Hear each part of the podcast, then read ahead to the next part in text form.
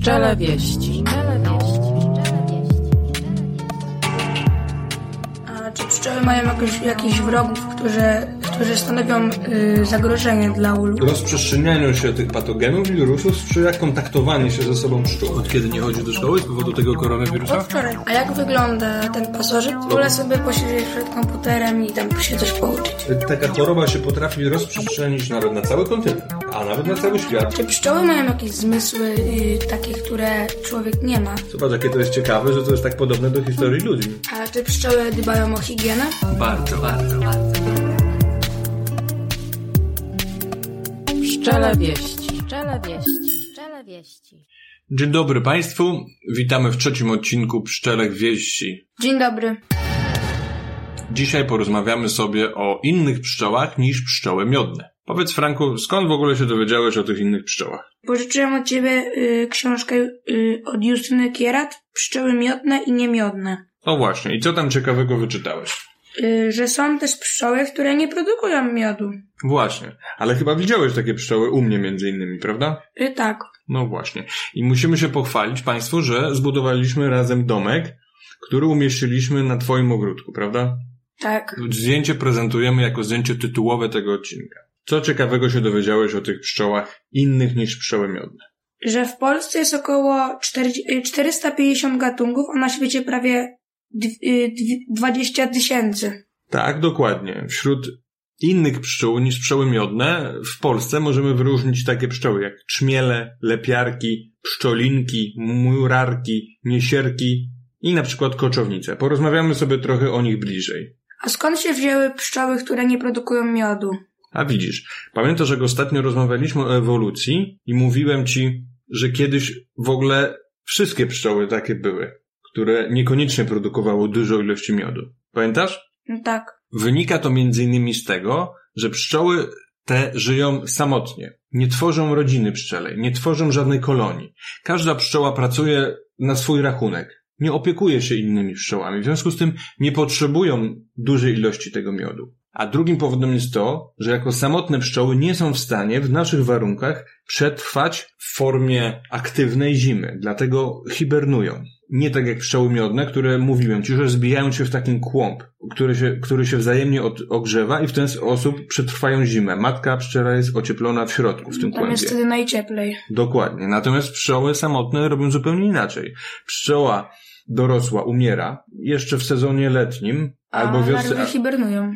Tak, a larwy dorzewają, zamieniają się w poczwarki i wraz z nadejściem zimy albo w postaci poczwarki, albo w postaci dorosłej, co się rzadziej zdarza, albo w postaci larwy, hibernują i w ten sposób przetrwają zimę. I dopiero na przyszły rok, na przyszłą wiosnę, na przyszłe lato będą aktywnymi dorosłymi pszczołami. Także można powiedzieć, że wszystkie pszczoły samotne są sierotami, gdyż nie znają swoich rodziców, bo pszczoła rodzic się nimi nie opiekuje. Składa je jajeczko, zapewnia im tylko zestaw pyłku i nektaru potrzebny do najedzenia się i rozwinięcia w poczwarkę i to wszystko.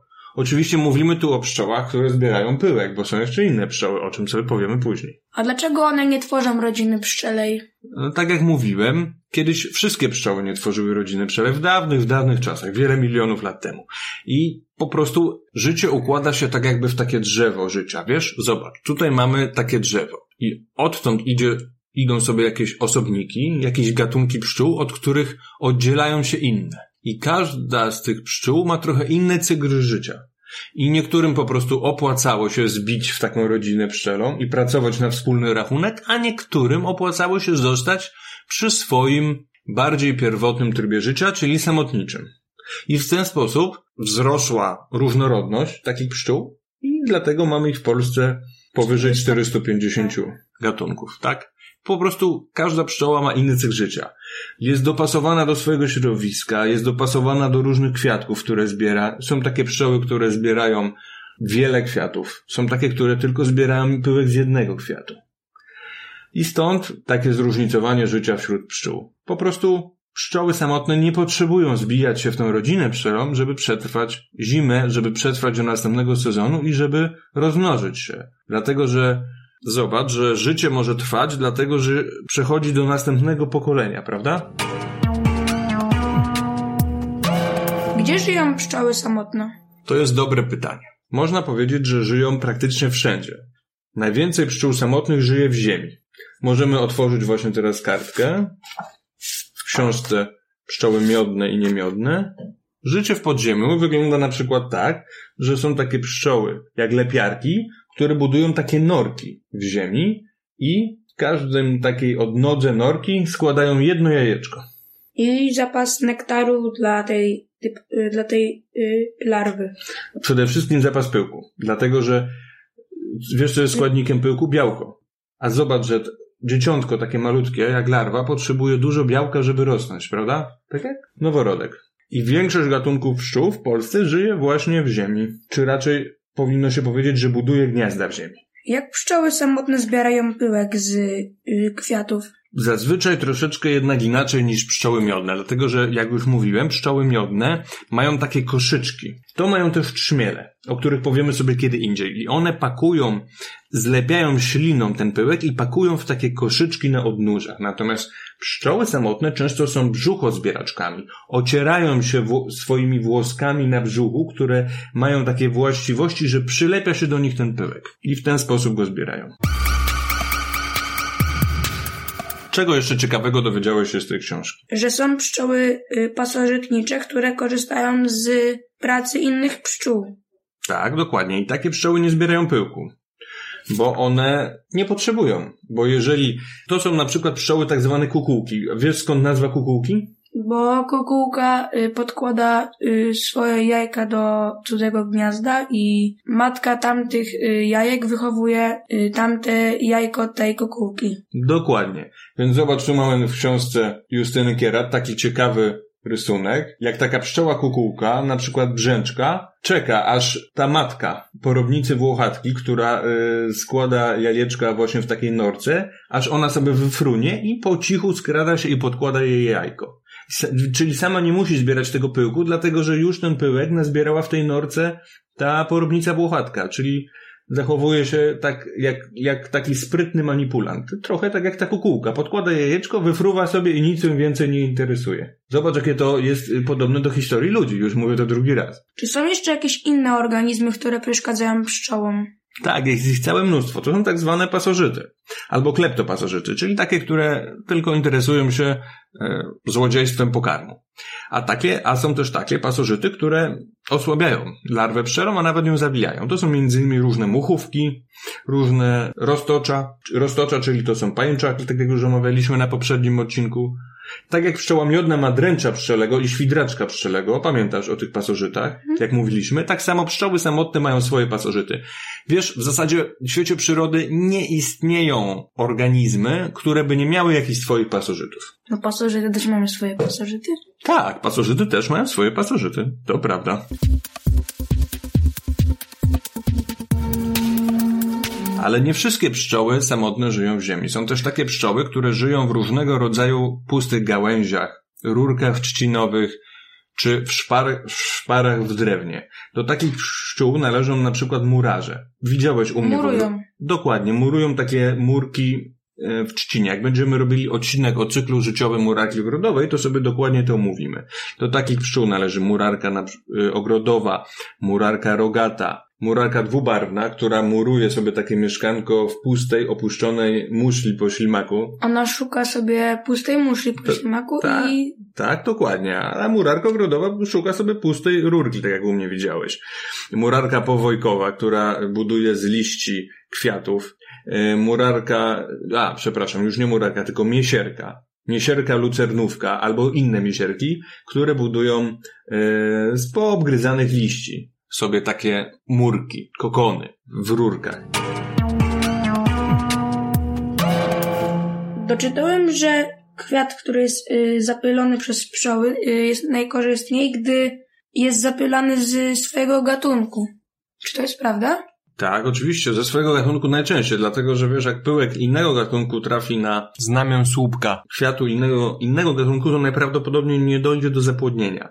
Ale nie zawsze się tak zdarza. Natomiast głównie chodzi o to, że pszczoła przenosi pyłek na inne kwiaty. Gdyby nie pszczoła, to najczęściej dochodziłoby do samozapylenia, wiesz? Nie byłoby to korzystne dla tych kwiatów, dlatego że no, dochodziłoby do zapłodnienia w bliskim pokrewieństwie, czyli na przykład brat z siostrą lub kuzyni. Wiesz, że to nie jest prawda korzystne. Więc zwierzęta mają możliwość poruszania się. Kwiaty nie mają możliwość poruszania się, więc zatrudniły do tej roboty pszczoły i pszczoły im po prostu przynoszą. Tak można powiedzieć. Czy najlepiej jest, gdy pyłek jest przeniesiony z innej rośliny? Tak, tak jak powiedziałem. W obrębie gatunku najlepiej, gdy pyłek pszczoła przeniesie i zgubi na innym kwiatku, który nie jest bezpośrednio spokrewniony z tym kwiatkiem, z poprzednią rośliną. Wtedy dochodzi do zapłodnienia krzyżowego, tak zwanego. Czy dany gatunek pszczoły zbiera z jednego y, kwiata pyłek? To jest bardzo różnie. Są pszczoły, jak pszczoły miodne, które specjalizują się, są bardzo uniwersalne, potrafią zbierać z bardzo wielu gatunków kwiatów, a są i takie pszczoły, które zbierają tylko z jednego kwiata. Są uzależnione tylko od obecności jednego kwiata w środowisku, wiesz? Także jest to bardzo zróżnicowane. Pszczoły danego gatunku są najczęściej dopasowane do życia aktywnego w danym okresie pory roku. I tak na przykład murarki ogrodowe żyją tylko na wiosnę. Wygryzają się z kokonów mniej więcej w kwietniu, a już w czerwcu umierają, jako dorosłe owady. Ale w międzyczasie jedna samica zdąży złożyć nawet 30 jaj w różnych rurkach. Z tego oczywiście część nie przeżyje, bo albo zjedzą je pasożyty, albo zginą zjedzone przez ptaki, myszy, inne drapieżniki lub wiatr złamie na przykład tą rurkę, deszcz zmyje. Różne przeciwności losu czekają pszczoły w środowisku naturalnym.